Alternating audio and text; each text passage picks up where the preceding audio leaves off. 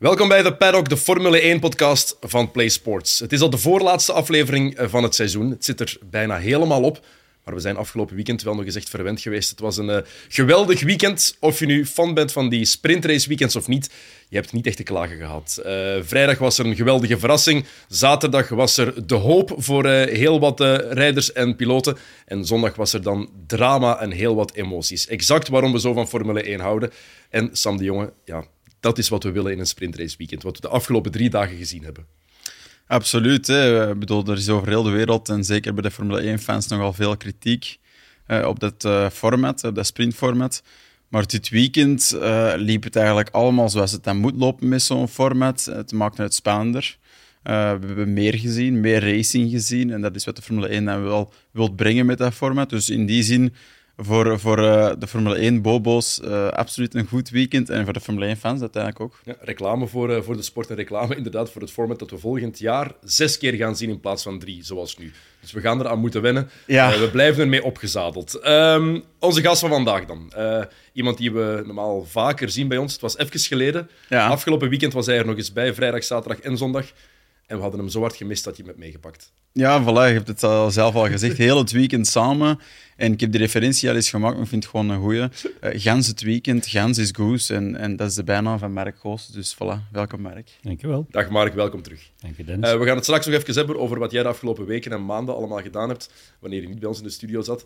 Um, maar we moeten beginnen met het nieuws met, met wat er gebeurd is en wat het nieuws domineert. Ja, ja, wat het nieuws domineert in de autosport. Max Verstappen en Sergio Perez. Um, misschien nog even samenvatten voor de mensen die het niet helemaal gevolgd hebben of gezien hebben.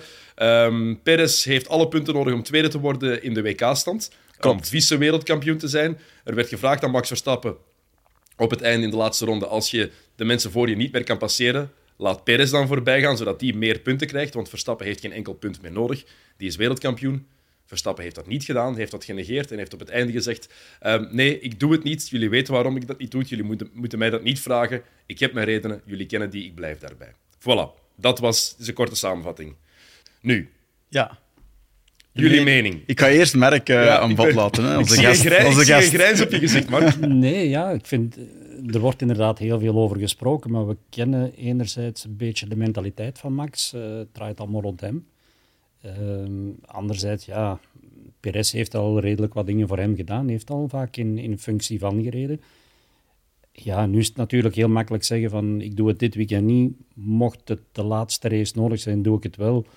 Ik denk dat uh, ja, daar gelooft zelfs Perez niet meer in, denk ik, uh, op dat moment. Dus ik vind het wel een beetje, een, beetje een, een speciaal verhaal. Eh, we hadden het dan ook over die situatie bij Ferrari, want daar werd eigenlijk ook hetzelfde gevraagd, werd ook genegeerd. Uh, andere uitgangspositie natuurlijk, hè, als je een podiumplek moet gaan weggeven. Maar goed, uh, ik denk dat Verstappen zich niet zo populair gemaakt heeft gisteren. Niet alleen binnen zijn team, maar in de hele autosport denk ik dat Echt? Verstappen inderdaad heel wat aan populariteit, populariteit heeft moeten inboeten. Ja, ik volg Twitter een beetje en buiten dat Elon Musk daar nu het hoofdonderwerp is, uh, was Verstappen misschien wel op, op twee. Dus ik zeg, ik heb echt, echt waar enkel negatieve uitlatingen gezien erover. Van alle kanten, binnen de sport, buiten de sport. Iedereen, ik heb geen enkel mening gezien die pro Verstappen was. En dat wil meestal wel iets zeggen als in over hoe waar het dan is dat je iets hebt gedaan. En ik bedoel, het is, het, is, inderdaad, zoals Mark ook al zei, hè, Verstappen, de referentie zou zijn dat Verstappen uh, Perez terugpakt voor Monaco waar, waar, waar Perez zo gezegd in de kwalificatie dat is wat er inderdaad zichzelf de, muur, ja, zichzelf de muur heeft ingedraaid voor de tunnel. Ik ben daar eens terug gaan bekijken, dat stukje. Het is wel vreemd. Ik bedoel, als je het bekijkt en je hoort de throttle input, dus uh, op het gas gaan, hij gooit bijna die wagen zoals je een wagen in een drift gooit, een spuit gas en die achterkant is weg en je kan dat heel duidelijk horen. Maar goed, dat zijn dingen die we niet weten, dat zijn geen feiten. En, en stel, dat het, stel het wel een feit zou zijn, dan nog is het eigenlijk niet relevant dat Verstappen daar op deze manier op reageert. Nu, zo laat, en ook inderdaad, zoals Merk ook zei, na al die keren dat Perez toch wel heel duidelijk iets voor Verstappen heeft gedaan. En daarbij is het belangrijkste wapenfeit toch Abu Dhabi vorig jaar. Ik bedoel, de manier dat hij daar verdedigd heeft, Lewis Hamilton heeft opgehouden om Verstappen terug in die positie te krijgen om te vechten voor de wereldtitel. Sorry, maar dat is toch wel veel waard. Ja, voor Verstappen telt er ook niks meer op dit moment. Hij, heeft de titel al. Ehm, gisteren reed hij niet voor een podium, hij reed niet voor een overwinning. Dus, voor niks? Uh, nee, eigenlijk voor niks. Uh, het enige wat hij kon doen was terug van het gas afkomen. Want goed, je kunt wel zeggen, ik probeer Leclerc nog te pakken. Maar er zat ook nog Alonso tussen. Ja. En ik denk dat het verschil met, met uh, Leclerc op dat moment was vier of vijf seconden. Dus Verstappen was gisteren ook niet zo dominant dat hij dat verschil in één keer ging wegrijden. Alonso voorbij gaan en Leclerc gaan voorbij gaan. Dus ja, ik, uh, ik volg hem niet zo in zijn redenering ook niet. Nee. En of hij nu zesde, zevende, achtste, negende, mm. tiende wordt, wat maakt het inderdaad nog uit? Hij heeft, heeft niks meer te winnen. Hij is wereldkampioen en hij ging toch geen podiumplek halen gisteren. Dat was heel duidelijk op dat moment. Dus waarom zou je het niet opgeven? Ja, ja ik vind dat inderdaad een belangrijk onderdeel van... Red Bull had die snelheid dit weekend niet, hè? Uh, dat is gewoon zo. Dat hebben we heel duidelijk gezien doorheen heel het weekend. In quali, in sprint en ook gisteren in de race. Uh, ze hadden dat tempo niet om inderdaad zo dominant te zijn. En dan om de strategische keuze te pakken van laten we punten van Leclerc afpakken door Verstappen naar voren te sturen, vind ik een minder logische keuze dan Perez te laten staan de positie dat hij zit en Verstappen erachter laten finishen. En uiteindelijk hebben ze dat wel geprobeerd. En allee, ja, ik vind het, ik vind het gewoon... Een, ik vind Red Bull had dat al niet moeten doen uh, in eerste instantie. Ze hadden niet Verstappen naar voren moeten proberen sturen dan hadden we nu ook die discussie niet gehad. En ze hebben dat wel gedaan en Verstappen heeft daar voet bij stuk gehouden. Vanuit volgens mij de redenering misschien Monaco, maar dat weten we niet. En ten tweede is Verstappen denk ik iemand die zegt van ik ben sneller en je moet er maar voorbij geraken. Als je sneller bent, dan, dan ik moet hier niet trager gaan rijden om jou punten te geven. Als dat de redenering van Verstappen is, dan moet hij vanaf nu dan ook nooit meer hulp van Perez verwachten. ik denk ook niet dat hij dat nog moet verwachten. Nee. Ja, maar dat is een vraag die we inderdaad gekregen hebben van, uh, van een van onze kijkers en luisteraars. Die vroeg, uh, kunnen ze Perez volgend seizoen nog vragen om aan de kant te gaan voor Verstappen? En wat gaat hij doen als hij die vraag krijgt? Ik denk dat niet. Ik denk, uh, er wordt nu natuurlijk wel overal gegist naar waarom. En we komen terug op Monaco, we komen terug op Abu Dhabi, we komen op heel veel dingen terug. Mm. Het feit is duidelijk, hij heeft gisteren die punten niet opgegeven in het voordeel van Perez. Ja. En ik denk dat Perez dat ook nooit meer voor hem gaat doen. Maar kan die dat? Ik bedoel, de, de, de, de, machtspositie van Max Verstappen ten opzichte van Sergio Perez is dag en nacht verschil. Ik bedoel, Max Verstappen leidt bijna dat team. Je zou hem bijna boven Christian Horner kunnen plaatsen. Allee, ik, vind, ik vond gisteren die boodschap, die radioboodschap, uh, en daarom dat we er nu ook wel veel tijd aan besteden, ik vind het toch wel nodig. Als je dat hoorde, die, die, uh, allee, de manier waarop Max Verstappen dat uitte, van are we clear about that? Ja, alsof, hij, alsof hij de grote basis zegt. Dus je gaat nooit meer tegen mij ingaan. Je gaat nooit meer mij die vraag stellen. Want ik, ik doe het gewoon niet. Dat was een, ja. was een papa die tegen zijn kindje zegt: Dat is afspraak. Is duidelijk, ja. Heb je het begrepen? Zo, kan het bij mij, bij mij ook. Alhoewel, ik, ik denk dat zij het voorval op voorhand besproken hebben. Mhm. Dat hij daar zijn mening heeft gegeven. En dat ze nu gedacht hadden: van ja, hij draait wel bij. Waar dat hij zoiets heeft van: Ik heb het toch gezegd, ik doe het niet. Mhm. En, en houdt gewoon voet bij stuk. Mhm. Dus ik denk dat dat eerder de, de, de reactie was van Verstappen, eerder dan bijvoorbeeld zeggen, ik ben hier de big chief. Ja, want hij heeft nu gezegd, um, als het nodig is in Abu Dhabi en Perez heeft de punten nodig, dan ga ik hem natuurlijk helpen. Maar er moest eerst gepraat worden. En dan lijkt het wel alsof er inderdaad nog een rekening open stond. En dan zegt dat één heel... Mm. Als dat zo is, want we, we gissen, we weten niet of dat zo is... Maar het verhaal van Monaco is hetgene dat het meest de ronde doet. En vooral de Nederlandse pers springt daar heel hard, heel hard op. Die zeggen dat um, Perez dat toegegeven heeft aan Christian Horner en uh, binnen het team dat hij effectief bewust die fout gemaakt heeft om op de pole te kunnen staan hmm. toen in Monaco. Dat zegt de Nederlandse pers. Ja. Ik heb dat nergens gezien. Ik denk, ook dat, ik denk ook dat dat eerlijk gezegd bullshit is. Dat is een, een, interpretatie van misschien zelfs Helmut Marko, die het dan aan, aan, aan Max Verstappen heeft doorgegeven. Maar bedoel, er staat nergens in een interview Perez die toegeeft dat hij dat heeft gedaan. En het is natuurlijk voor de Nederlanders, uh, sorry dan voor onze collega's, een makkelijk excuus om te gebruiken om te rechtvaardigen dat Verstappen dat gisteren zo heeft beslist. Maar zelfs als, zelfs als dat zo is, ja. als Perez dat gedaan zou hebben, hoe klein en rancuneus ben je dan? Als je Max Verstappen bent. Je bent wereldkampioen. Je ploegmaat heeft je vorig jaar geholpen op het belangrijkste moment van je carrière. Want die eerste wereldtitel pakken, dat is een drempel waar je over moet. Dat blijft altijd de grootste stap. En dan doe je nu dit voor wat? Voor één race in Monaco? Ja, hmm. ja. Kijk, langs de andere kant zegt hij wel, volgende week doe ik het wel. Kan je ook weer gaan bedenken van, oké, wacht tot de laatste wedstrijd. Als Perez dan inderdaad goed genoeg is, hmm. om tweede te worden in het kampioenschap, dan wil ik hem daar wel in ondersteunen.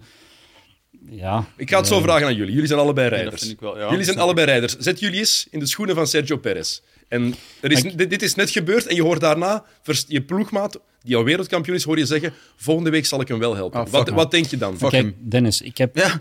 ik heb vorige week, of nee, twee weken geleden ondertussen, de laatste race NASCAR gereden. En mijn ploegmaat kwam in aanmerking om tweede te worden in het kampioenschap. Tweede. Niet eerste, niet derde. Ik zelf heb niks meer te betekenen. En op een bepaald moment zit ik achter hem. Ga ik hem voorbij. Ik rij van hem weg. En in de laatste bocht ben ik zelf het eigen initiatief opzij gegaan om hem door te laten. Hij pakt daarmee een extra punt. Dat zijn de laatste races, dus dat worden twee punten. En door dat manoeuvre heeft hij het meeste aantal goed gemaakte plaatsen van, van heel het peloton. Daar krijgt hij nog eens vier punten voor. Maar in NASCAR betekent dat laatste weekend acht punten, want het zijn dubbelpunten. Dus door die beweging die ik doe voor hem, pakt hij tien punten extra, waarmee dat hij zijn tweede plaats kan veiligstellen. Maar dat is uit eigen initiatief gekomen. Dat waren geen teamorders. Mhm. En mhm. daarom vind ik het net zo speciaal. Als je een klein beetje mens bent en je zegt van, ik heb toch niks meer te betekenen op dit moment, dan doe je dat. Vind ik. Want dat is eigenlijk, dat is eigenlijk wat, wat Sergio Perez na de race ook zei um, in, zijn, in, zijn, in, zijn, zijn inlap. Zei, dit zegt alles over wie Max Verstappen echt is. Ja, dat vind ik inderdaad wel een, een heel goed punt dat je maakt. Want we spreken over teamorders, maar op zich als mens kun je ook altijd zelf beslissen om iets te doen. Om iets te gunnen aan iemand. Zeker als je zelf in een positie zit dat u niet, niet beschadigt. En wat, wat ik ook gewoon vreemd vind in heel, dit, in heel die controverse is, hij komt over de finishlijn en hij makkelijk kunnen zwijgen en kunnen zeggen, mijn radio werkte niet en het intern kunnen bespreken.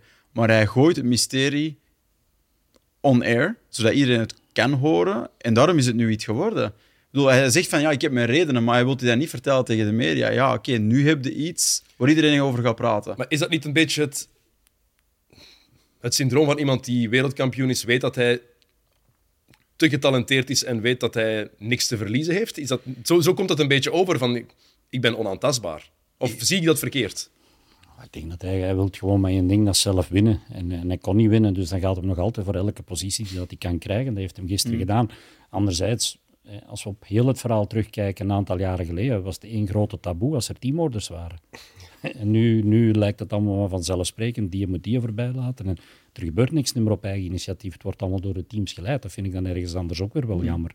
Ja, want teamorders inderdaad, dat is een hele tijd nou, dan geweest, hè? ook al gebeurde het. niet, het kon niet. Eh, er werd met codetaal gesproken. Nu, nu is het allemaal weer opener. en, en nu gooit onze Nederlandse vriend het over een andere boeg. Ja, maar ik vind uh, een, een, interessant onderdeel, want jij bent uiteindelijk ook teambaas, merk. Stel, jij hebt de kampioen in huis en die doet zoiets richting jouw tweede piloot die tweede kan worden wat is uw positie dan? Want uiteindelijk, wat gebeurt er bij Red Bull? Ze willen Max Verstappen op geen enkele manier naar iemand anders drijven, naar een ander team. Dus ze zijn er poeseling voor.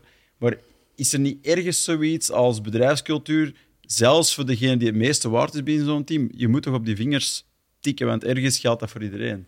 Ik ben altijd fan van teamplayers. Ik heb, uh, ik heb weinig aan mensen die in het team komen die enkel en alleen maar met hun eigen ego bezig zijn. Natuurlijk hangt ook af van competitie tot competitie. Ik bedoel, uh, een, een, endurance kampioenschap is een ander gegeven dan een sprintverhaal. Uh, zoals je ook kent uit de Porsche Carrera Cup. Maar ja, ik zal altijd in functie van, van een team proberen te werken. En ik denk dat elke rijder die, die in het team aanwezig is, een teamplayer moet zijn. In maar functie van het team moet naar voren komen. In de Formule 1 is dat teamaspect vaak veel minder het geval. Zeker bij een ploeg die strijdt voor de, voor de wereldtitel. Maar nu, was, nu blijft het nutteloos, want de wereldtitel was al verdeeld. Dus dat is het vreemde eraan natuurlijk. Hè. Um, jij zei daarnet heel duidelijk, fuck him. Uh, als ik vroeg om je in de schoenen van Sergio Perez te, te zetten, uh, is, dat, is dat de redenering die je zou hebben ook voor, voor volgende week en de weken dan, en de, de maanden, jaren daarna van hier gast, dit, dit is te rancuneus, dit is belachelijk. Ik bedoel, in de racerij zijn, zijn we allemaal heel uh, egoïstisch, denk ik, omdat dat ook wel moet. Dat is, zo, dat is een moeilijke sport om in door te breken. Dus je zou daar totaal niet van staan kijken als dit het eerste voorval was. Hè? Als, als voor de eerste keer aan Max Verstappen werd gevraagd om iets te doen voor Perez, maar Perez nog nooit iets voor hem had gedaan, dan zou ik zelf ook in die positie zitten oké, ik snap dat. Je bent racers en je gaat verwijgen. Het is gewoon, hij heeft al veel voor Max gedaan. En vanuit die positie zou ik inderdaad zeggen, oké, fuck hem. Als jij niet ene keer iets voor mij kunt doen, op een moment waar het zo makkelijk was om het te doen, en waar het voor mij veel uitmaakt voor het kampioenschap om een 1-2 te hebben, ja, dan kun jij voor mij eender welke uitleg geven, maar dan vind ik dat altijd bullshit. Dus. Dit kan effectief wel iets gebroken hebben tussen die twee. Ja, absoluut. En dat is, wel niet zo, dat is wel niet zo top als je naar een winterperiode gaat, waar je eigenlijk als piloot toch wel sterk moet samenwerken richting de auto van volgend jaar en dan een nieuw seizoen mee moet aanvatten. Ik vind dat toch... Dus een teamplayer zijn. Een teamplayer zijn, ja. Een teamplayer zijn. En dat is hetgeen dat jij daarnet zegt. Ze proberen poeslief te zijn tegen Verstappen om hem bij te houden. Nee, de enige manier waarop ze Verstappen kunnen bijhouden is door het beste team te blijven. Ja. En dat risico loop je nu. Als een paar mensen onderling gaan vechten intern, dan zou het straks wel eens ten koste kunnen komen van, van een samenwerking binnen een team en een competitiviteit van, van, van het Red Bull-team in het algemeen. Want dan begin de informatie van elkaar te weerhouden. Hè. Je weet hoe dat is. Racing is data voor een groot stuk. En dan begin je zelfs niet enkel de piloot, maar de ingenieur van die piloot. Of, of de ene kant van de garage richting. Eh, bij, bij Rosberg Hamilton dat ook gezien. Dat kan proporties aannemen die heel schadelijk zijn. Maar dat start altijd maar, op, maar ergens. Dat is een klein vlammetje. En dat vlammetje is er nu geweest. En dat kan ook een grote brand worden. Dus. Absoluut. Jij kent Christian Horner van, uh, van vroeger nog, Mark. Hoe zou die hiermee omgaan, denk je? Met deze situatie? Uh, Bossie. Um, ik denk dat hij absoluut degene gaat zijn nu die de touwtjes in handen gaat nemen en zeggen van wij zijn baas. En wij, dat is dan Helmut Marco, hij zelf, eigenlijk het hele team dat, dat aan de muur zit, die meer ja. strategisch de beslissingen uh, gaan nemen. Um, en dat was volgens mij ook heel duidelijk op de manier waarop dat de boodschap kwam naar Verstappen van laat alsjeblieft Perez terug voorbij. Uh, en niet één keer, het was meerdere keren. Dus ik denk dat zij absoluut uh, zullen samenzitten met, uh, met Verstappen en hem proberen te sturen in die richting om terug dat team, mm. de brokken te lijmen die dat er eventueel zijn. En wat en what happened, hè? toen ze hem over de finishlijn ja. kwam? What happened? Ik bedoel, zij zien, ze, ze weten wat happened, maar ze vragen het toch een beetje als kritiek al naar hem toe. Dus inderdaad, dat klopt. Het is, er is toch iets van kritiek misschien wel naar Verstappen toe binnen, binnen het team. Kan dit iets breken binnen de ploeg ook? En ik heb het niet alleen tussen Verstappen en Perez, maar ook tussen Horner en, uh, en Verstappen bijvoorbeeld. Tussen Marco en Verstappen. Zou dit voor een probleem kunnen zorgen? Nee, volgens mij niet. Ik denk dat het, het team is sterk genoeg, de sponsor is sterk genoeg, de rijder is sterk genoeg. Ja. De enige waar dat het iets voor zou kunnen betekenen is Perez. Ja. Ik denk dat die ja, die moet goed overwegen of dat hij nog op die plaats wil zijn of niet. Dat is heel ja. cru, maar dat is volgens mij wel het verhaal. Maar zijn afhankelijke posities veel groter dan die van Verstappen, toch? Ik bedoel, Perez is eigenlijk ergens wel afhankelijk van de goede gratie van het Red Bull-team, waarbij Verstappen dus een belangrijk onderdeel is. Veel opties heeft Perez niet. Nee, ik bedoel, die zit nu in de best mogelijke auto voor zijn uh, capaciteiten, denk ik. Ik bedoel, hij gaat niet ergens ja. anders terecht kunnen waar hem even goed gaat kunnen scoren. Dus ergens zal hij toch moeten slikken. De vraag is of hij dat kan. Um, Als je het volledig bekijkt als racecraft, ja. dan ben ik het er 100% mee eens. De vraag is natuurlijk, wat is zijn aandeel in de ontwikkeling van die auto's? Want hij heeft ook gezegd dat hij nog altijd. Ja, dat weten we niet. Hij heeft nog altijd gezegd ook, um, gisteren heeft hij het nog gezegd, dat hij ervan uitgaat dat hij volgend jaar dezelfde kansen krijgt als Verstappen. Dat hij ook mag vechten ja. voor die wereldtitel.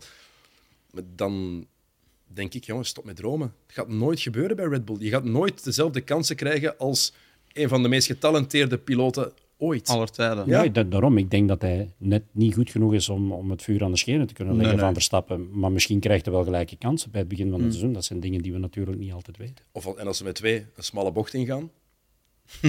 Perez gaat niet wijken volgende keer. Ja. Als, volgend seizoen bedoel ik. Hè. Als het echt nog om de punten gaat, die gaat niet meer wijken. En dan gaan we nog interessante dingen zien. Oh. Ja, absoluut. Maar bij Red Bull hebben ze ervaring mee natuurlijk. Denk aan, aan het uh, Multi-21 ja, verhaal. Dat was, dat was wel voor de overwinning. Dat was ja, wel anders. Het was eigenlijk nog erger, want daar ging het over het kampioenschap. En het jaar dat Mark Webber eigenlijk kampioen had kunnen worden, waar hij een fantastisch seizoen reed, hebben we Maleisië gehad en dan Turkije, waar hij helemaal, uh, toen liep de MRO over hè, uh, bij, bij, bij beide heren. En daar was Vettel eigenlijk nog giftiger dan Verstappen nu heeft gedaan. Maar hè? Vettel vocht wel voor de wereldtitel toen nog. Verstappen is al wereldkampioen. Dus toen stond er voor Vettel nog wel iets op het spel. Ja, ja, dat is waar. Dat, is waar. dat vind ik persoonlijk ook wel een belangrijk gegeven. Ja. De titel is binnen. Niks was nog belangrijk gisteren voor Verstappen. Dit is bijna gewoon vernedering. Ja. Ja. Ja. Ja, dit is eigenlijk, dit, is, dit, is, dit lijkt persoon, dit is ook, als het effectief klopt wat de Nederlandse media schrijven, want we praten met twee woorden, maar als het gaat over dat voorval in Monaco, dan is dit gewoon heel klein van Verstappen. Hmm. En dan, ben je, dan kan je zo'n goede piloot zijn. In mijn ogen ben je dan een minder grote kampioen. Of ga ik te kort door de bocht? nee, alleen, omdat er niks meer, omdat er niks meer te winnen is. En Mark, alleen daarom. hè? Nee, nee, maar in, in die context volg ik het ook. Maar dat is ook de enige context. Want voor de rest hebben ze al die jongens aan het kneden geweest om ego's te zijn, van, van bij geboorte tot nu. En, en nu gaan ze zeggen, dat mag niet. Dat vind ik een moeilijke. Maar, maar inderdaad, als mens, als mens moet op dat moment kunnen zeggen: Oké, voor mij maakt het hier geen verschil, dus ik ga hem helpen. En ook voor het prestige van, van de ploeg. Red Bull heeft nog nooit een 1-2 gehad in de WK-stand.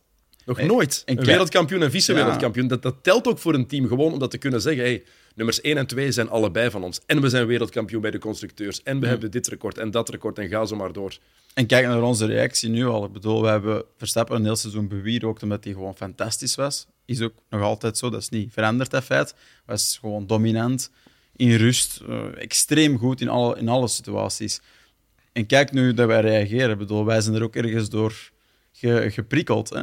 Geschrokken ook misschien een beetje. En, ja, en, en wij zullen niet de enige zijn. Wij zijn nog mild. Ik bedoel, op een sociale media en je valt achterover van wat er daar wordt geschreven. Als er een Mexicaanse paddock bestaat. ja, daar hebben we zo'n popje dat ze in brand steken misschien. Voodoo in van ja. de steken. um, maar allee, dat wil toch wel iets zeggen over dat het toch wel belangrijk is om zo'n jaar af te sluiten in stijl om als kampioen ook zo gelabeld te worden. Hè? want dit is nu wel inderdaad een smet op een bijna foutloos seizoen. Ja. Los van de eerste drie grote prijzen van, uh, van Red Bull. Uh, nu is het 290 punten voor Perez, 290 punten voor Leclerc. Dus dat wordt heel spannend, die laatste race. En Leclerc die wilde ook van plaats wisselen met Sainz. Maar daar waren wel wat meer redenen voor die te begrijpen zijn. Ja, ten eerste, we spreken over een podiumpositie. Uh, dat is al een goede reden. En ten tweede, wat misschien nog de belangrijkste was, strategisch gezien. We hebben de hele voorval met Tsunoda gezien, die op de foute positie zat achter de safety car. Uh, dat kwam door zijn pitstop, kwam uit de pits, kwam dan in het pak, wat mag. Maar die liet eigenlijk vanaf dat het groen werd iedereen voorbij en die heeft Sainz voorgelaten voor de lijn. En eigenlijk krijg je er een penalty voor. Nu, Sainz kan er niet aan doen, want Tsunoda gaat aan de kant. En dus uh, Ferrari werd onderzocht daarvoor. Dat betekent, stel nu dat Sainz Leclerc dicht had laten komen en hem laten passeren. Achter Leclerc volgde Verstappen en Alonso vrij kort. En als die vijf seconden had gehad, hè, voor Tsunoda dus voorbij te steken voor de lijn, dan had hij niet enkel aan Leclerc zijn plek afgegeven, maar ook aan Alonso en Verstappen. En dus voor het constructeurskampioenschap richting Mercedes, waar maar 19 punten tussen zitten tussen die twee ploegen, zou dat, dat een veel groter effect hebben gehad. Dus in die zin is het niet zo super onlogisch dat ze dat hebben beslist? Nee, maar ik snap de vraag van Leclerc wel. Mm. De tegenslag dat hij had in het begin van de wedstrijd door eraf gecatapulteerd te worden, muur te raken, terug kunnen binnenkomen, terug de wedstrijd kunnen, kunnen aanvatten en dan ja, eigenlijk van heel ver terugkomen, dan had hij natuurlijk wel heel graag die extra puntjes gehad. En dat had dan eigenlijk een heel grote beloning geweest voor zijn werk, om dan die punten te verzamelen voor zijn kampioenschap. Ja inderdaad, vanuit science standpunt bekeken, was het een ander verhaal. En nog maar eens, we spreken nu over een podium of een overwinning of een kampioenschap, dan zijn het andere verhalen dan dat je niks meer kan bereiken. Ja, absoluut. Um, trouwens, die crash van Leclerc, dat hebben we gisteren ook al een paar keer gezegd, maar het blijft straf. Hoe sterk zijn die auto's? Maar dat hij daar gewoon is uitgeraakt, dat hij... Dat die gewoon nog naar de pits is kunnen doorrijden. Want wij schrokken alle drie op het moment dat we ineens zagen... Oeh, Leclerc staat daar in de pits. die twee minuten geleden was hij nog in de muur. Hoe is hij daar uitgeraakt? Ja, ja de, tegenwoordig, Austin met Alonso gisteren hebben we ook aangehaald, was al redelijk ongelooflijk. Ik bedoel, tegen die snelheid omhoog vliegen en terug neervallen en dan met je achterwiel de muur raken, dat dan blijkbaar nog helemaal recht staat. ik bedoel, dat is redelijk waanzinnig. En gisteren was het weer hetzelfde. Ik dacht direct, we zagen die impact en dan werd dat shot veranderd en we dachten direct, ja, dat is game over. Ja, maar goed, maar hoeveel kans heb je dat de motor nog draait? Ja, op dat moment. Meestal bij zo'n impact zijn ze daar niet mee bezig. Die motor slaat af en, en het is game over. Ja. Dat knopje Met de sleutel. uh, er is ook nog wel meer gebotst. En de meest duidelijke botsing, de meest opvallende, was opnieuw met Max Verstappen. Tegen Lewis Hamilton, de twee mannen. Um, in de bocht, Verstappen probeert langs binnen er nog voorbij te gaan of ernaast te blijven. Mm -hmm. Hamilton laat geen ruimte. Dat is hoe hij het zag. Hamilton zag het natuurlijk anders, de stewards ook, want het is Verstappen die vijf seconden straftijd heeft, uh, heeft gekregen voor, uh, voor dat manoeuvre. Geef jullie mening nog eens. Ik zou eerst willen corrigeren, want dat is niet een bocht, dat is een chicane. Excuses. Ja, maar dat is, dat is, ik vind dat een heel belangrijk onderdeel. Want een bocht is in één bepaalde richting. En dan kies je binnenkant, buitenkant. Hij kiest nu voor de buitenkant, wetende dat hem bij de volgende bocht, zijn het tweede deel van die chicane, ja. hè, want het zijn er eigenlijk drie na elkaar op dat moment, dat hem bij die tweede de binnenkant heeft. Mhm. Zat hij ver genoeg? Hm, ik denk dat er te veel ruimte was tussen Verstappen en Hamilton in de eerste bocht. Dat hij, hij kiest wel de buitenkant, maar zat redelijk ver vanaf. Waardoor dat hij een beetje moet terugkomen. En ik denk dat daar op het moment is gekomen dat Hamilton het misschien verkeerd heeft ingeschat. Dat Hamilton die plek zomaar ging afgeven, dat dat niet ging gebeuren, dat wisten we ook. Maar dat hij had wel iets meer ruimte kunnen geven aan Verstappen. Ja. En toch nog goed zitten voor die derde bocht. En de exit naar dat rechtstuk toe. Dus ik denk dat ze er allebei op een andere manier hadden kunnen mee omgaan. Maar het is niet gebeurd. En dan vind ik het eerlijk gezegd een racing incident. Absoluut, helemaal mee eens. Um, als je het vanuit de spirit van de regels bekijkt, eh, uh, die regels zijn verduidelijkt in het begin van het seizoen. Eh, je moet uh, substantieel um, onderdeel van de auto of de voorkant van de auto moet voorbij de andere zijn of naast de andere zijn, um, om dus je, je inhaalmanoeuvre te rechtvaardigen. Hè? Dat was zo. Dat was zo. Maar een tweede onderdeel is, het moet gecontroleerd zijn, het inhaalmanoeuvre. En wat de FIA, waarom dat ze vijf seconden aan Max Verstappen hebben gegeven, want ze hebben gezegd, ja, hij is daar inderdaad aan die eerste bocht al langs buiten. Je moet dan een spuit gas geven om daar bij die tweede bocht überhaupt nog naast te zitten, want daar zit dan Hamilton beter vanuit de binnenkant, um, wat aan de buitenkant wordt. En eigenlijk zeggen ze, Verstappen heeft dus extra gas moeten geven om daar naast te kunnen blijven überhaupt. En dat zou ervoor gezorgd hebben dat hij sowieso de binnenkant van die bocht had gerateerd, niet had geraakt. Dus dat hij voorbij de apex had geschoven, dus die is eigenlijk geschoven tegen Hamilton. Maar dat vind ik niet eigenlijk het geval. Hij is niet tegen Hamilton geschoven. Hamilton heeft zijn wagen tegen Verstappen zijn wagen geplaatst. Dus voor mij is het, ze hebben allebei gekozen om in dat duel te gaan. Ze hebben allebei geprobeerd om daar als eerste uit te komen. En ik vind het daarom ook een racing incident. En het zou ook spijtig zijn als we dat nu altijd moeten gaan met telemetrie moeten gaan nakijken wie Absoluut. er nu gelijk in had. Allee, bedoel, is het een race of is het weer postzegels aan het verzamelen? Ook, maar ik vond het ook heel straf. Hamilton die dit, dit meteen zegt van, ja, dit is... Uh, that was no racing incident, mate. En uh, we, kennen, we, we, kennen Max. Ja, ja maar als je zo'n groot, als je zo'n groot kampioen ben, bent, moet je ook gewoon als een groot kampioen rijden, vind ik. En we hebben de twee, twee van de meest getalenteerde rijders ooit met Verstappen en Hamilton. Maar we weten ook, we gaan die nooit clean tegen elkaar zien racen. Hè? Door zo'n bocht, er gaat altijd wel iets gebeuren, denk ik, door wat er vorig jaar allemaal gepasseerd is. Ja, de enige vraag dat je dan weer opnieuw moet gaan stellen is wat hing er vanaf voor wie gisteren? Mm -hmm. Eigenlijk voor geen een van de twee nog niks. Het enige is, Verstappen probeert buitenom de eerste bocht, gaat iets te ver. Waarom? Omdat hem te diep de bocht ingaat. Of net omwille van het feit dat hij de ruimte wil geven aan Hamilton. Mm -hmm. En dan bij de volgende passage, daar gebeurt het omgekeerde niet. Ja. Ik weet niet, ze, ze, ze, ze, hebben altijd het excuus van de giftige relatie tussen hun beiden, zeker na vorig jaar en de incidenten die daar zijn geweest. En dat maakt precies dat voor allebei gewoon uh, zoals een rode lap uh, voor een stier is. En dat ze, dat ze zoiets die trekken elkaar echt aan, maar ze willen ook precies niet leren racen naast elkaar. Wat eigenlijk het voor de twee grootste kampioenen van de huidige Formule 1 net logisch zou zijn dat ze dat wel kunnen. En dat is ook wat wij willen zien. Dat is de kwaliteit van racing. Ik bedoel... Maar die mannen zijn zo getalenteerd, zijn zo ja. goed. We willen die ook tegen elkaar zien racen. Is... Als Hamilton voilà. daar een klein beetje ruimte laat en die kunnen daar... Dat, is, dat was perfect geweest voor elke Formule 1-liefhebber. We hebben die scenario's in het begin van het jaar gezien tussen Leclerc en Verstappen. Ja. En dat werkt perfect. Ja, klopt. Maar daar, heeft, daar, daar hebben de stewards dan wel de verantwoordelijkheid van het een racing-incident te labelen en niet iemand een straf te gaan geven. Want als je ja. iemand een straf geeft, dan zegt de andere weer, kijk, ik had gelijk. Dus ik mag dat volgende keer nog eens doen en het is gerechtvaardigd. In plaats van gewoon te zeggen, gasten, leert gewoon racen. Als je het niet kunt, ja, ze hebben allebei tijd mee, er tijd mee verloren. Hè? Dus het heeft voor geen van de twee ja. geholpen. Hè? Nee. En het heeft Hamilton mogelijk een extra, een extra kans op de overwinning gekost. Want hij zat, er, uite- hoe... hij zat er uiteindelijk nog dichtbij. Ja, ja klopt. Absoluut. 100% akkoord. Oké. Okay. Goed. Makkelijke um, mens, hè, de merk. Straf, hè? Makkelijke mens. Ja, absoluut. Uh, eerste overwinning ooit voor George Russell. Um, de vraag is, eerste vraag. Heeft Russell nu één of twee races gewonnen dit weekend? Ja. een kleine en een grote. Ja. Eén. Ja. Wat? Ja, één race. Ja. Eén Heeft één Grand Prix gewonnen. Ja, één Grand Prix. Heeft maar één keer op het podium met champagne gestaan. Ook. Dat is zondag. Ja, wel een chocolademedaille, zoals uh, Gert Vermeer mooi uh, noemde. ja, heeft, heeft inderdaad een medaille gekregen. Uh, wel, wel mooi, hè? eerste overwinning ooit, 113e racewinnaar ehm, in de geschiedenis van de Formule 1, de 20ste Britse winnaar.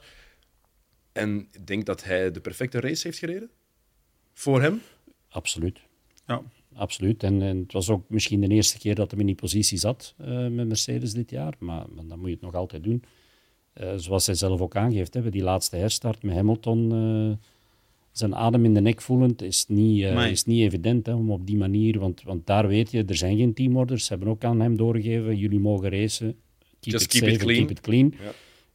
Um, ja, dan kan je ervan uitgaan dat als Hamilton sterk genoeg is, dat hij dat die, die aanval ook gaat plaatsen. Commercieel ook het verhaal Hamilton absoluut. in Brazilië, ereburger geworden. Ik bedoel, het had een mooier plaatje zo gezegd geweest ja. voor Hamilton en voor Mercedes. Maar ik denk, als je kijkt naar George Russell, het is bijna de tweede keer dat ik dat heb, de tweede keer dat ik dat heb gezien. De eerste keer was toen hij, hij moest invallen voor Hamilton mm -hmm. in, mhm. in Bahrein met COVID. Dat was bijna hetzelfde weekend. Dominant, agressief, alles juist uitvoeren. En de vorige race zat hij zo een beetje in een dip. En hij, en hij zei dat ook zelf, van, ik zit een beetje in een dip. Zat hij in een dip of was het gewoon Hamilton die meer uit de auto begon te halen? Dat is een beetje, dat is een beetje de vraag. Hamilton werd wel beter, denk ik, normaal. Het kan ook de combinatie van de twee zijn. Misschien combinatie. Dat als je voelt dat je ervaren ploegmaat beter en beter wordt, dat je begint te twijfelen aan jezelf. Dat je een dip krijgt. Zoiets, bijvoorbeeld. Ja, maar het is, het is wel, mentaal, het is mentaal kan je het even moeilijk hebben en dat heeft een invloed op je, op je prestaties. Ik denk dat, dat hij goed kan sturen, dat weten we allemaal. Dat Mercedes nu op een beter niveau staat, dat weten we ook allemaal. Mocht het Hamilton zijn geweest, dan zou iedereen ervan uitgaan, oh ja, dat is normaal. Van Russell hebben we nog niet zo heel vaak gezien dat het zo normaal is om in het juiste pakketje naar die overwinning te rijden. En dat heeft hem nu wel bewezen dat hem dat kan, vooral mentaal. Ja, absoluut op dan nog eens een fysiek heel, heel zwaar circuit. Want we zagen inderdaad wel naar het einde van de wedstrijd toe dat de helm effectief wel tegen de headrest uh, aanleunde. Dus um, ja, ik vond het een. Uh, er zijn weer heel veel facetten die besproken worden na die wedstrijd van gisteren. Wat zijn prestatie een beetje naar achter duwt. Maar, maar hij heeft wel een prachtige wedstrijd gereden. Prachtig weekend zelfs. Ja, absoluut. Maar ja. dit kan ook gevolgen hebben voor volgend seizoen natuurlijk. Want we hebben gezien dat Mercedes beter en beter wordt. Dat zorgt er automatisch voor dat we meer verwachtingen hebben voor wat ze volgend jaar kunnen doen. Ja. Ze zijn er ook nog altijd zelf van overtuigd dat ze het beste team zijn. En we kunnen daar weinig over zeggen als we kijken naar de laatste acht jaar eigenlijk. De constante die daarin gelegen heeft en hoe zij hun prestaties hebben opgekrikt. Maar wat betekent dit nu voor volgend jaar? Russell is geen Valtteri Bottas. Nee, nee, nee, dat klopt. En als die, die vorm van dit weekend kan doorzetten, dan gaat dat voor moeilijkheden zorgen denk dat dat gewoon een feit is. Door Hamilton die speelt het spel zoals hij graag doet en goed kan. Um, en dat heeft hij dit weekend ook gedaan. Hij is de good, the good guy. Hetgeen dat Max Verstappen kiest om niet te doen, kiest Hamilton wel voor de likes en de goede comments. We weten dat hij zo is. En dat heeft hij nu dit weekend... Ja, dat is gewoon zo. Hè. Ik bedoel, pas op, ik, ben, ik heb mega respect voor Hamilton, maar er is, er is niet zoveel genuine aan wat hij doet. Niet elk publiek is geweldig. Nee, voilà. Dat, dat, dat, is, dat is de makkelijkste referentie nog maar. Maar ik vind gewoon dat dat... Je ziet dat gewoon aan hem. Uh, dus hij speelt alles politiek slim en hij lobbyt en, enzovoort. Uh, dus hij heeft, hij, heeft, hij heeft die prestatie van Russell bewieren ook dit weekend. Maar dat gaat hij niet blijven doen, hoor. Als hij, die, als hij een auto heeft om te winnen... Hamilton, dan... Hamilton gaat niet content zijn met een tweede plek. Voilà. En dan zeker niet met een vierde. Nee. Als Russell bij de eerste drie zit. Dus dat kan inderdaad wel eens voor, voor redelijk wat vuurwerk zorgen. Um, meer, zelfs, meer zelfs dan bij, bij Red Bull. Kan je zeggen, dat we Red Bull en we Mercedes. Nu moet Sainz nog... Uh, Sainz en Leclerc moeten nog een ja, botsing Ook wel Zuiders temperament, dus dat kan. Ja, maar dat, dat, gaat volgend jaar leuk worden. Hamilton en Verstappen, dat werkt niet. Hamilton en Russell zou dan misschien niet meer werken. Uh, Verstappen en, uh, en Perez werkt niet.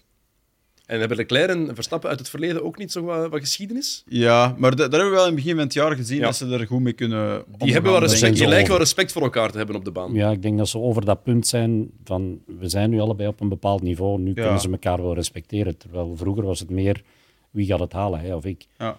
Die gaan waarschijnlijk ook wel eens samen fitnessen in Monaco. Dus volgens mij zijn die er echt wel helemaal over geraakt. Tenzij dat ze nog eens tegen elkaar botsen binnenkort. Het kan altijd gebeuren volgend jaar en dan is er een heel nieuw verhaal. Kan volgende week al zijn, hè? Ja. Ja, absoluut. kan volgende week al zijn. Want, nu is de vraag alleen maar wat gaat volgende week Verstappen doen? Ja, wat gaat hij doen volgens jullie? Ja, zeg in, het. in functie van Perez rijden, heeft hij gezegd. Hè? Ja, maar, oké, maar dat is, Ja. hij- ja, maar dat, nu zeg je, Ja, maar heeft ja. hij gezegd, maar wat En- gaat ja, hij doen? daarom. In welke Ja, context? Gaat hij dat doen als hij aan het winnen is? Dat gaat hij doen als hij in een positie zit en niet om te winnen is, in, in mijn ogen. Maar als Verstappen zijn kampioenenjaar kan afsluiten met een dikke vette win, dan pakt hij het toch, of niet? Ja, jullie, jullie zijn de Ik denk, rijders, hè? ik, denk dat hem, ik denk dat hem die overwinning gaat pakken als het zover is. Ja, dat denk ik ook. Als jullie wereldkampioen zijn en jullie rijden op de eerste plaats tijdens de laatste grote prijs van het seizoen. Maar we kunnen dat niet samen Maar je, op de weet, maar, je weet, maar je weet als je de overwinning opgeeft dat je ploegmaat tweede wordt. Anders niet. Wat doe je? Super moeilijk, maar als je al 15 keer gewonnen hebt. Ja, ik weet het niet goed. Mark lacht gewoon. Ja, ik zou het wel doen. Maar Ja. Sam zou voor de overwinning gaan. je bent wereldkampioen, niks meer te winnen of te verliezen. Je geeft je plek af. En uw ploegmaat wordt tweede in het kampioenschap. Dus je, Ja. je finisht 1-2 op dat moment. Dan zou ik het doen. Ik had het gedaan in zowel de sprint als gisteren de race, zoals ik het, zodat ik het volgende week niet moest doen. Sorry, Max, I outsmarted you. Dat was veel slimmer geweest. hè. Dat was inderdaad Nee. veel slimmer geweest. Ehm, maar Hamilton en Russell, dat kan vooral nog een groter probleem worden, omdat Hamilton duidelijk heeft uitgesproken dat hij nog ambitieus genoeg is. Dat hij nog jaren wil doorgaan. Hij wil eigenlijk een beetje de Tom Brady worden van, eh, van de Formule 1. En wie weet tot zijn 45ste top proberen zijn. Maar dat betekent ook dat het Mercedes Hamilton zijn ploeg of zijn team blijft. Of dat we daar effectief een splitsing gaan zien dat het twee teams binnen één team worden. Tja, ja, ik vind dat een moeilijke.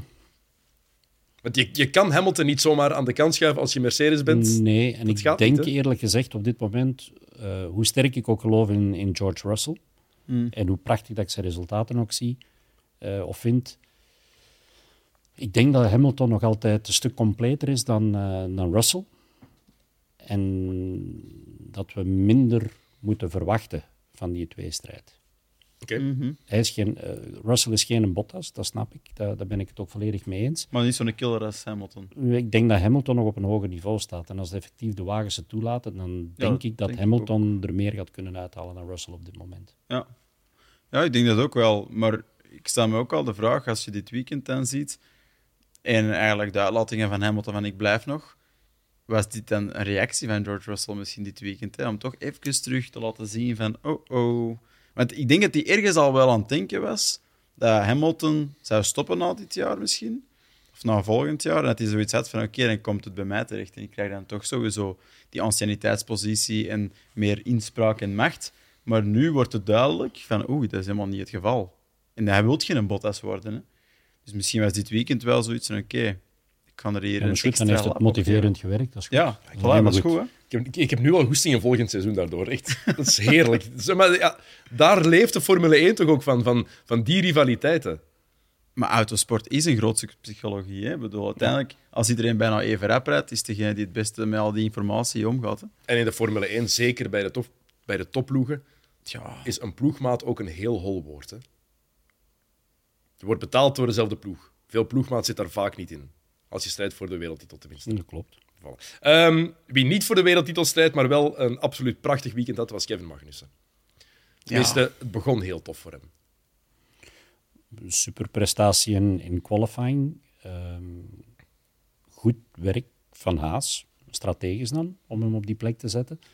En dan moet je het nog doen. En hij heeft het, hij heeft het ook perfect uitgevoerd. eh, geholpen door het weer, geholpen door een rode vlagsituatie, noem het allemaal maar op. Maar hij stond wel op pol. En dat kan je hem nooit meer afpakken. Want, dat, want inderdaad, hij was de eerste die stond te wachten om buiten te gaan bij Q3, toen het nog droog genoeg was. Op slicks. Ja, maar je moet, wel, ja. je moet het wel nog altijd doen, dat ene rondje. Want hij stond daar wel een hele tijd eigenlijk te wachten met banden die kouder en kouder worden, hoe langer het duurt. ja, zoals eh Stijn de Weert had gezet, eh ze hadden haast. dat is een mooie. Ehm, maar ze hebben gewoon die positie dat ze hebben ehm, in de pitlane ook perfect, perfect uitgespeeld. Alle Ja, die elementen- positie misschien ook belangrijk om te benadrukken. ze, starten, ze staan helemaal laatst in de pitlane, waarbij, waardoor dat ze eerst aan het licht kunnen staan. En dus, ja, zeker op een circuit zoals, zoals hier in Brazilië, waar je niet goed voorbij kan, Daar is die track position dus heel belangrijk. Die moet je ook niet per se kwijtspelen als je die outlap doet. Je kan die behouden. En als er dan regen komt, dan weet je dat je zo snel mogelijk een ronde moet hebben die in droog is. Of in, het, in, in zo droog mogelijke omstandigheden. En allez, ik vind dat toch ik vind het toch knap voor een team dat eigenlijk nooit daarover moet nadenken.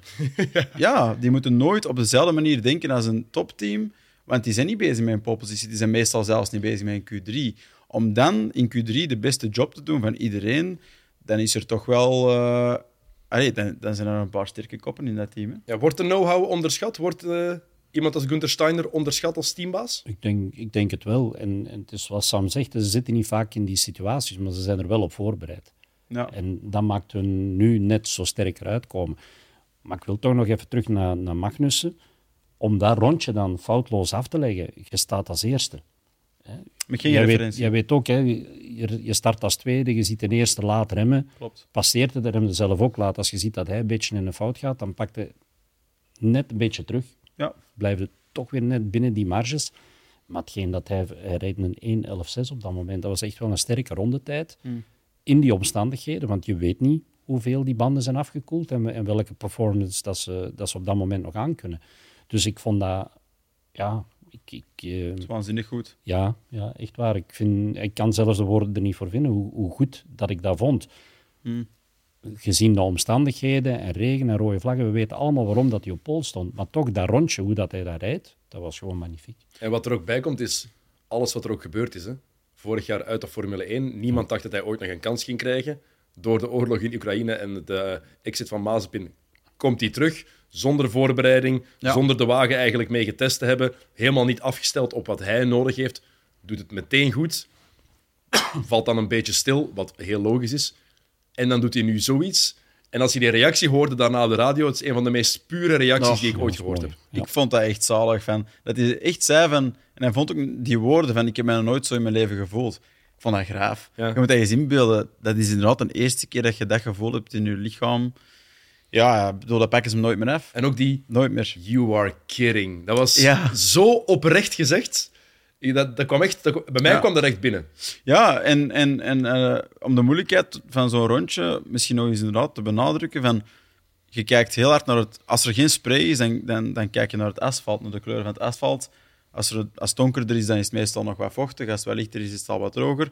Maar we spreken hier over Formule 1-auto's die redelijk snel gaan. Dus je hebt niet heel veel tijd om die informatie te processen en het dan nog eens direct uit te voeren. Dus inderdaad, qua, qua rijtechniek, om zo'n ronde te doen, wat dan net genoeg is om heel snel te zijn, maar niet erover is. Ja, vooral ook dat is toch intrinsiek talent? Als je kijkt naar waar dat hij de witte lijnen wel raakte, waar dat hij de curbstones wel meenam, dat het, was, het was precies of dat het op voorhand was uitgerekend. En dat kan niet, want die situatie hebben ze nooit gesimuleerd, dat kan niet. Dus ik vond, ja, ik vond het echt uh, een fantastisch rondje. Ja, en hij krijgt de pole ergens ook dankzij George Russell.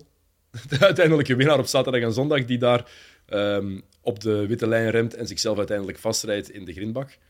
Wat er heel knullig uitzag. Maar dat had bijvoorbeeld perfect kunnen gebeuren in het eerste rondje van Magnussen. Ja. Niemand voor zich, Absoluut. niet wetende hoe of wat. Geen referentie. Alleen nu maakt iemand anders de fout. Degene waar we nu van zeggen, heeft een perfect weekend Ja, ja, dat is waar.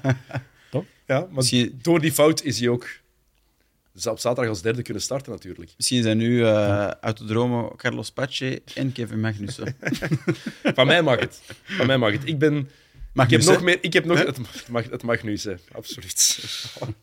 dus uw eerste eigenlijk nog maar. We zijn 43 minuten verder. Nee. uw eerste zelf verzonnen. Een merkelijke mens. Eigenlijk gezegd, maar je hebt het niet gehoord. Het niet gehoord, sorry, spijtig. Het was ook begin. Wou wij serieuzer proberen zijn tegen het einde van het seizoen. Anders worden we misschien vervangen hier, dus uh. Uh, maar ik, ik gun het Magnussen heel hard. Um, en dan ja, de twee andere dagen. Zaterdag 8e. Was dat het hoogst haalbare in een sprintrace? Ik denk dat dat op zich nog een goed resultaat was voor hem. Ik denk dat ook. Want hij begon goed, hè? Ja, en hij is er ook heel verstandig mee omgegaan. Hij heeft ook degene ja. waar dat hem van wist van... Die kan ik niet verdedigen, die heeft hem ook laten gaan, bij wijze van spreken, zonder zelf te veel tijd te verliezen. Dus dat heeft hem mij, mij heel veel inzicht gedaan, als je mij vraagt. En dan zondag. Dat moet toch wel de, oh. de grootste anticlimax zijn die er is. Langs aan, ik denk langs de andere kant, hij is sowieso een beetje uit beeld verdwenen. Maar nu wordt hij letterlijk uitgetikt door Ricciardo na nog geen rondje. Het is, het is een beetje zuur. Het is de manier waarop is zuur en eigenlijk heel, heel stom. Het, het, is, het, is, het is een klein dom tikje uh, en echt wel dom. Want allee, was onnodig van, van Ricciardo. Hij, hij zoekt dan een gat, dat is er uiteindelijk niet. Ik snap dat, hij probeert aansluiting te houden, dat er niemand tussen komt. Maar die auto's zijn zo chunky, dik, groot tegenwoordig, dat... Allee, er is echt nog wel veel auto voor u. Ja, en een grote vleugel. En dan tikte die op de stomste manier aan. Ja, en hij laat zijn eigen dan nog eens uitschakelen daarna ook. Maar dan ook de reactie van Magnussen. Want hij spint eigenlijk richting het peloton dat achter hem aankomt. Ja. Laat dan heel verstandig zijn auto achteruit bollen. Ja. En dan heeft hem nog meer tegenslag dat Ricciardo opnieuw op die plek De zit. foute, de foute Ja, kant de foute kiest. kant Iedereen weet in, in een racewagen op een circuit dat met de inertie, dat, dat vliegt naar de buitenkant. En hij had daar gewoon moeten remmen en naar de binnenkant moeten gaan. Ik weet het, dat zijn split-second decisions, maar Ja, daarom ben je Formule 1. voilà, allee, Het toch zijn de ergens, 20 beste rijders van de wereld normaal gezien. ergens eh, zou je dat toch mogen verwachten. Hij krijgt wel drie plaatsen straf nu, eh Ricciardo, voor zijn laatste grote prijs Helemaal laat voor starten. dan. McLaren. of ooit. Het kan ook ooit zijn. Eh Gunther Steiner wil ik nog even aanraken wel. Ehm, Oei. de pers- Is dit hier? Ik wist dat je dat ging zeggen. Ik wist zo hard dat ik dat verkeerd had.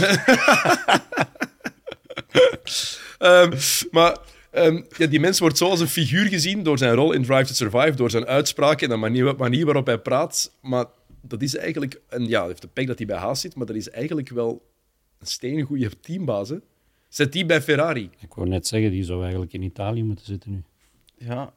Gaat, Hij, Ferrari, hij heeft al motoren van Ferrari, maar gaat Ferrari dan minder fouten gemaakt hebben, bijvoorbeeld, als Steiner daar aan de muur zit? Ik denk dat wel. Ik denk dat het veel ik denk duidelijker zou zijn. persoonlijk ook van wel, want ze hebben daar iemand nodig die dat, die dat effectief die structuur gaat vastpakken. En die moet van onder aan de ladder beginnen. Degene Mhm. die de wielen aangeven, bij wijze van spreken, daar moeten ze mee beginnen, want die hebben het ook nog altijd niet begrepen. hebben we dit weekend gezien. Een wiel over een auto, Over een auto aangeven. aangeven, ik heb, het nooit, ik heb het nooit gezien. Ze kunnen die misschien gewoon gooien. Dus Weegt wel iets. Hè? Ja, ik kan proberen. Hey, ik ben dit Is jaar... het allemaal in de gym nu, de Italianen? Volgende keer gooien met heb- de wielen dit, ik gasten. heb dit jaar al raar vreemde dingen gezien. Ik was in Seattle eh, afgelopen zomer en je hebt daar een gigantische versmarkt buiten. En er is één visstand waar ze op een gegeven moment gewoon voor de fun met gigantische zalmen beginnen gooien. Uit het niets ineens begint iedereen zo te roepen. En ik was aan het kijken en mijn broer die was erbij, die wist dat. Ah. Van ja, dat gebeurt hier. En ineens zie je dat gewoon van die gigantische zalmen door de lucht vliegen naar elkaar toe. Dus vol. Ze Dat zal misschien... worden. Dat is een hele schone. Dat is een hele schone. Dus wie weet kunnen ze daar iets tofs van maken. Voilà. Ja, maar nee, allee, het, is, het is eigenlijk een beetje... Ja, het is hallucinant, de dingen die je bij Ferrari ziet gebeuren. En je denkt dan doorheen het jaar, dat zal wel verbeteren, maar dan de voorlaatste Grand Prix doen ze nog dingen dat als enigste op intermediates buiten gaan. Ik weet niet wie daar het weerbericht zat te lezen, maar niet Gunther Steiner. nee. Maar waarom krijgt die mens eigenlijk geen kans bij, bij een grotere ploeg of geen kans meer? Want het is nu al een paar jaar dat hij bij Haas daar zit Zit aan te modderen. Hè? Ja, maar, maar Maar, ah ja. allee, in mijn ogen, Gunther Steiner is niet zomaar een teambaas bij Haas. Dat is letterlijk de reden waarom de Haas in de Formule 1 zit. Dat is Haas. En zijn relatie met, met, Met Gene Haas. met Gene Haas Dat is, is Dat is ook cruciaal. rechterhand. Hè. Hm. Kan ook niet dokter Helmut Marco morgen binnen Ferrari zetten of binnen McLaren, dat werkt ook niet. Nee. Dat is, dat is ook zo'n een, een levensverhaal tussen hem en Red Bull, waardoor dat ze dan binnen deze structuur zijn terechtgekomen. Dat kan je niet zomaar veranderen hoor, van de ene dag op een andere. Ja, enkel bij Red Bull een oogje dichtknijpen. Ja. Eh, de sprintrace zelf dan, zaterdag nog even, ehm, was absoluut reclame voor wat een sprintrace kan zijn. Ehm, er zijn ook twee ploegmaats die vanaf volgend jaar geen ploegmaats meer zijn, ehm, die het elkaar wat moeilijk hebben gemaakt. Ehm, de eerste twee Alpines misschien. Ja, Wat was Ocon en, en Alonso? Opnieuw een ploegmaat van Alonso die niet goed met hem overeenkomt. Opnieuw een ploegmaat van Ocon die niet goed met hem overeenkomt. ja voilà, twee keer vergif samen. ja, Ehm goh, ja, ik vind Alonso outstanding dit seizoen. Eh, dus die heeft voor mij sowieso een streepje voor eh, in vergelijking met Ocon. Zei je outstanding? ja, oud. oh, dat is een hele mooie.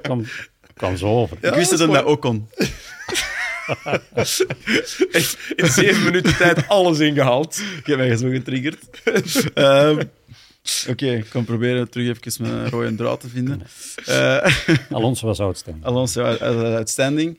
Eh, maar hij is ook, maar zijn eagerness, dat brengt prachtige dingen voort. En, en, en, maar soms ook wel foutjes. En ik denk, wat hij deed in die eerste ronde, om die wagen daar niet te verliezen. Hè, in bocht 4, denk ik. Met een mega, mega overstuurmoment vond ik dus outstanding. Maar daar raakt hij, hij raakt Ocon daar. Ocon die daar eigenlijk ook niet echt veel plek aan hem geeft. Ik vind dan wel het tweede incident. Merk vindt hij iets anders, maar hij rijdt er wel letterlijk tegen. En er, is nog er zijn wel wat meters om er gewoon rond te gaan. Dus dat vond ik wel, wel meer verantwoordelijkheid bij, bij Alonso liggen. Ja, hoe bekijk jij dat, Mark? Want het tweede incident, inderdaad, daar tikt um, Alonso Ocon langs achter heel even aan en verliest hij uh, wat, uh, wat onderdelen. Ik ben het ermee eens dat er meer ruimte is. Hè. Hij, had, hij, hij, moest niet per se op die plek zitten om er voorbij te kunnen of om er rond te rijden. Maar de beweging komt volgens mij wel van de auto van Ocon. Mm -hmm. auto van Ocon die een beetje naar rechts komt, waardoor dat ze elkaar raken. De vraag is natuurlijk, moest Alonso zo dicht... Kijk, soms heb je met die, met die uh, slipstream, met die aanzuiging, dat effect als je achter een auto zit en als je er net langs doorkomt, dat je nog eens die extra aanzuiging krijgt. Maar of dat hier nu het belangrijkste gegeven was, dat ga ik helemaal niet beweren. Dus hij had inderdaad wel een halve meter verder naar rechts kunnen opschuiven zonder dat er enig probleem had geweest. Uh, maar de beweging van de auto komt volgens mij wel van die van Ocon, die een klein mm -hmm. beetje de beweging naar rechts doet en terug, terwijl dat Alonso op een rechte lijn blijft rijden. Ja. Dat vond Alonso uh, duidelijk ook als we zijn radioboodschap hoorden. Our friend. Ja. Lekker cynisch. Ja, ik, ik, ik, volg hem tot een bepaald punt, maar ik ben het ook volledig eens dat hem, hij, hij moest het daar niet gaan opzoeken. Dat was niet nodig. Nee. De beste radioboodschap van de zaterdag was wel die van Sebastian Vettel. Het was één woord. Oké. Okay. met een goede intonatie. Inderdaad. Met de perfecte intonatie, omdat Lance Stroll zijn ploegmaat hem daar effectief gewoon op het gras duwt. Je zou denken na, na Austin en, en het voorval met Alonso daar op het rechte stuk dat hij iets geleerd heeft, Stroll. Uh, blijkbaar niet. Uh, doe, doe het op, op de even agressieve, late manier en komt er weer goed mee weg. Hè? uiteindelijk. Ik bedoel, dat twee keer veel erger kunnen aflopen. Dit had een zware crash kunnen zijn als het niet Sebastian Vettel was en dat van Alonso ja, die ook, hè? Die van Austin ook. Ja. ja. absoluut. Dus ik weet niet, ik vind... Ik heb mij het al vaak afgevraagd, van wat doet die jongen daar? Ik weet waarom het hem er zit natuurlijk, iedereen kent die redenen, maar... Allee, ik bedoel, het is toch raar dat die gast het niet beter doet. Ik bedoel, Vettel die naar de uitgang is aan het gaan, die, die toch wel wat motivatie, denk ik, voor die was verloren. heeft nu misschien terug wat vuur, maar die doet het veel beter. En Stroll, die rijdt wel rond. En ja, veroorzaakt dan zo'n situatie. Dus ik begrijp dat niet goed. Het... De spiegels staan ook niet echt goed, denk ik. Daar zou ik mee beginnen. Die zijn zwart afgeplakt, die spiegels. Ja, het, is, het, is, onbegrijpelijk dat je, dat, dat je dan ook nog kan zeggen van oh, ik wist niet dat ik zo ver was opgeschoven naar links. Ik bedoel, je als je ziet waar dat, waar dat Vettel rijdt op dat moment. Ik bedoel, de, de oneffenheid van de weg de, de zijkant van het asfalt gaat letterlijk in het midden, midden. van zijn zitje door. Dus dan, dan zit hij echt met twee wielen paar centimeter lager dan, dan, dan de andere kant van een auto. Ik bedoel... Maar je dan wel een groene auto zijn, maar je zit er nog wel in het gras. ja. ja, ik vond het, ik vond het uh, ja. heel vergaand. Ik vond het heel straf dat Vettel ja. die wagen weer gewoon op de baan kreeg zonder te crashen daar. Ja, maar hij blijft niet vol op het gas staan, maar komt er ook niet helemaal af. Slim is. Ze, ja, hij heeft dat echt uh, perfect opgevangen. Hè? Mm. De, de, hoeveelheid gas om, om in te schatten van waar moet ik zijn, omdat we elkaar zeker niet zouden raken. Ja. Uh, die gedachtegang was er bij Stroll niet, dat is duidelijk. nee, want ja, daarnet hadden we het over Ricciardo, over in een split second reageren. Ja, dat is wat Vettel daar ook doet. Hè. Ja. Heeft nog geen seconde, maar moet meteen kunnen, kunnen, kunnen reageren en meteen het juiste, ja, het juiste aantal gas eigenlijk terugnemen. Ja. Heel straf. Ja, en, ik vind bij Stroll, het komt zo'n beetje over als ik ben de verwende zoon van. En het is toch het team van mijn papa. En ik heb hier eigenlijk ten opzichte van niemand iets te bewijzen. En allee, dat is toch wel spijtig. Ik denk dat iedereen dat er in Formule 1 zit zijn eigen wilt en moet bewijzen op dat niveau. Oké, okay, goed. We hebben nog een kleine tien minuten ongeveer uh, voor we misschien nog even moeten hebben over de race van volgende, volgende week, waarom daar naar moeten kijken. Maar Mark, uh, ik zei het in het begin, misschien mensen die luisteren willen ook wel weten wat jij de afgelopen maanden allemaal gedaan hebt. Want je hebt lang niet meer bij ons in de studio gezeten, dat je veel in de auto hebt gezeten. Ik heb inderdaad een, veel een, een wagen in hebt gezeten. auto gezeten, ja, klopt. Um, ja, zoals andere maanden dit seizoen heb ik, uh, ben ik nog altijd actief geweest in de Euronascar.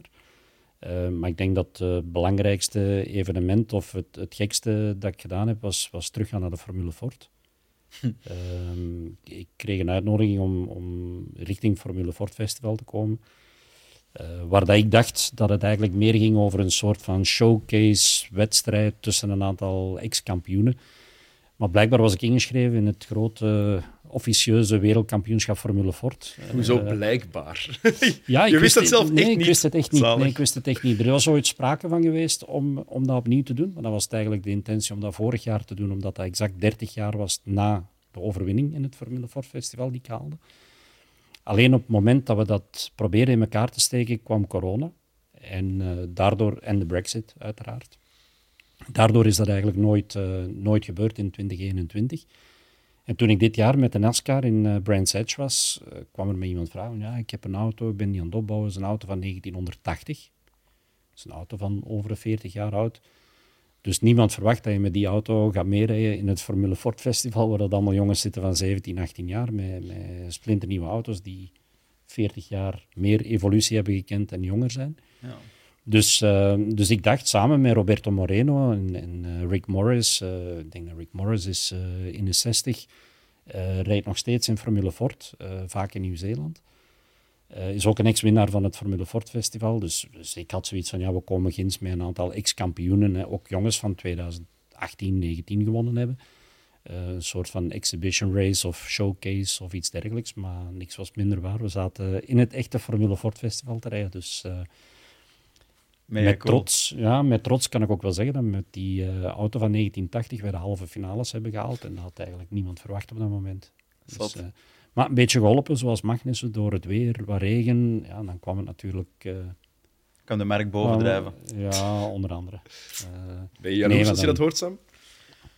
Gezond, gezond jaloers. Ja, want dat zou misschien fouten. Geen, uh, geen afgunst, ik bedoel gezonde jaloezie. Nee, ik vind dat zalig. Allee, ik, was, ik was een fan hè, van de merk als ik klein was. Allee, nog altijd, hè, maar toen is het begonnen, ik zal het zo zeggen. Dus uh, om terug die helm open te zien, een auto zonder dek, dat is altijd speciaal, hè, die kleuren van hem. En dat is voor mij heel herkenbaar. En dan terug in de single-seater kunnen zitten. Ik denk dat, dat niemand dat zou weigeren. Dat, dat blijft uh, voor mij de ultieme vorm van autosport de meest echte vorm. En, en ja, je maakt het zo goed mee, met je, met je gat op de grond en met je hoofd buiten. Dus. Hoe heb je gereageerd trouwens toen je hoorde dat je effectief meedeed? Toen ze zeiden, ja, maar je race mee, Mark. Ja, het was, het was ginder ter plekke, want ik kwam s'avonds ja, kwam er Ik kan me dat al inbeelden, wat? wat? Ja, mij was het eigenlijk... Ik, ik kom geen aan en de dag nadien, in mijn belevenis, had ik een zee van tijd om, uh, om ook oude contacten van vroeger terug op te vissen. Hè, want die mensen lopen nog altijd in die paddock van de Formule Ford rond. Uh, maar nee, ik moest er om zeven uur al zijn om in te schrijven en uh, een briefing te doen. Wow, briefing. Ja, morgen is de briefing. Ik zeg, ja, maar toch niet voor ons. Dat, jawel, jawel, je bent ingeschreven in het Formule Ford Festival. Het kwam er eigenlijk op neer, je zit in die heat om dat uur te rijden. Ja, Oké. dus blijkbaar waren we een van de in de 80 deelnemers die meededen dat weekend. dus, fantastisch. Uh, maar hoe, ja. hoe snel kon je terug dat gevoel vinden als je hebt met zoveel auto's gereden je hebt snel dat gevoel terug met die auto, maar hoe hard kon je dat vergelijken met het gevoel dat je toen had? Denk dat, je, dat, dat nee, dat is, niet, dat is helemaal anders. Uh, je past je natuurlijk heel rap terug aan, want die auto's zijn ook wel underpowered, zeker die van die generatie. Uh, dus ze zijn een beetje underpowered en het komt dan wel een beetje terug in, in een soort van slow motion. Uh, maar ja, vroeger was het meer uh, gooien met die auto in Paddock Hill, ben nu reeuwen er meer door. Toen was het echt schuiven door de bochten, dus... Ja specifiek met die auto's, hè, profielbanden, geen vleugels, geen aerodynamica. Dus uh, ja, kwam uh, heel wat car control beds pas dat weekend. Klinkt als een leuk weekend. Ja, het was echt tof. Ja. Okay. Uh, volgende week is het laatste weekend in de Formule 1. Grote prijs van Abu Dhabi. Waarom moeten we nog kijken? Geef allebei één reden waarom we moeten kijken naar het, de grote prijs van volgende week. Om te zien hoe Sergio Perez zich gedraagt. Dat is al een heel, een heel, dat, heel goede reden. Dat is al een mooie. Uh, en voor de rest, uh, meestal is dat een goede koers. Dat is ook een, een best een mooi circuit. En er valt nog wel iets te bepalen in het kampioenschap, zowel bij de rijders dan op plek 2. En in constructeurskampioenschap valt er nog heel veel te verdelen over heel de lijn eigenlijk. Dus ja, ik denk dat het sowieso interessant wordt. We gaan ook zien hoe sterk dat Christian Horner nu is. Hè? hoeveel macht die effectief heeft. Absoluut. Want hij, hij, is degene die nu de, de touwtjes in handen moet nemen en het allemaal moet gaan sturen richting, richting die twee. Ik denk dat we vooral moeten gaan kijken naar, naar, naar het duel tussen Leclerc en, en Perez uh, voor die tweede plaats. En, en hopelijk is McLaren een beetje meer lucky volgende week dan, dan het afgelopen weekend kunnen zijn. De constructeurskampioenschap nog een plaatsje winnen. Ja, want het is nog McLaren tegen Alpine. Het is nog Mercedes tegen Ferrari. Ja. En Aston Martin Dan heb je Haas. tegen Alfa Romeo, Alfa Romeo zeker. En een Haas tegen... Haas zit denk ik met Alfa te vechten ook, hè? Nee? mm, Verlie- ver- ze vergeten ah, Aston Martin. ja, Aston Martin en Haas die dicht bij elkaar zitten, zeker. Nu ben ik zelf aan het Ben twijfelen. kwijt. Ik denk dat Jeff Vermeers nu echt door de, zijn stoel ontzakken is thuis. Als hem dit ziet. We kunnen- we- hoeveel heb ik nog? We hebben nog twee minuten. Ik kan de, de, de, Je kunt het de punten er opzoeken, hè, maar even bij er zitten in halen. ieder geval enkel Williams. Die zitten Het is Alfa free. Romeo tegen Aston Martin en Haas tegen Alfa Tauri. Haas tegen Alfa Tauri. Ja, ah, ja, maar die ja, vechten Alfa voor Tauri, de, ja. voor de achtste plek. Dat is echt iets dat bij mij niet... Die zijn zo onzichtbaar geweest, Alfa Tauri, Ja. dit seizoen. Dat, je zou denken dat die meer naar voren zitten. Dat is echt het inderdaad. meest grijze team van allemaal geweest Ja, dit jaar, Alfa Tauri. absoluut. Ja. En ook, en ook benieuwd naar wat de toekomst al dan niet brengt voor dat team met Mateschitz die er niet meer is. Wat is het belang nog van dat team voor Red Bull? Ik weet het niet. Jonge talent, wie weet. Alright, goed. Sam, dikke merci om er weer bij te zijn. Mark, Yes. merci om nog eens naar hier te komen. Het was eh, heel fijn. Eh, volgende week de laatste aflevering van de Paddock. Ehm, zaterdag en zondag dus de grote prijs van Abu Dhabi live te volgen op Play Sports. En maandag de laatste aflevering. Dan komt Gert Vermers af en gaan we het hele seizoen nog eens overlopen. En onze topmomenten ook nog eens eh, boven halen. Dus heel graag tot de volgende keer. Salut.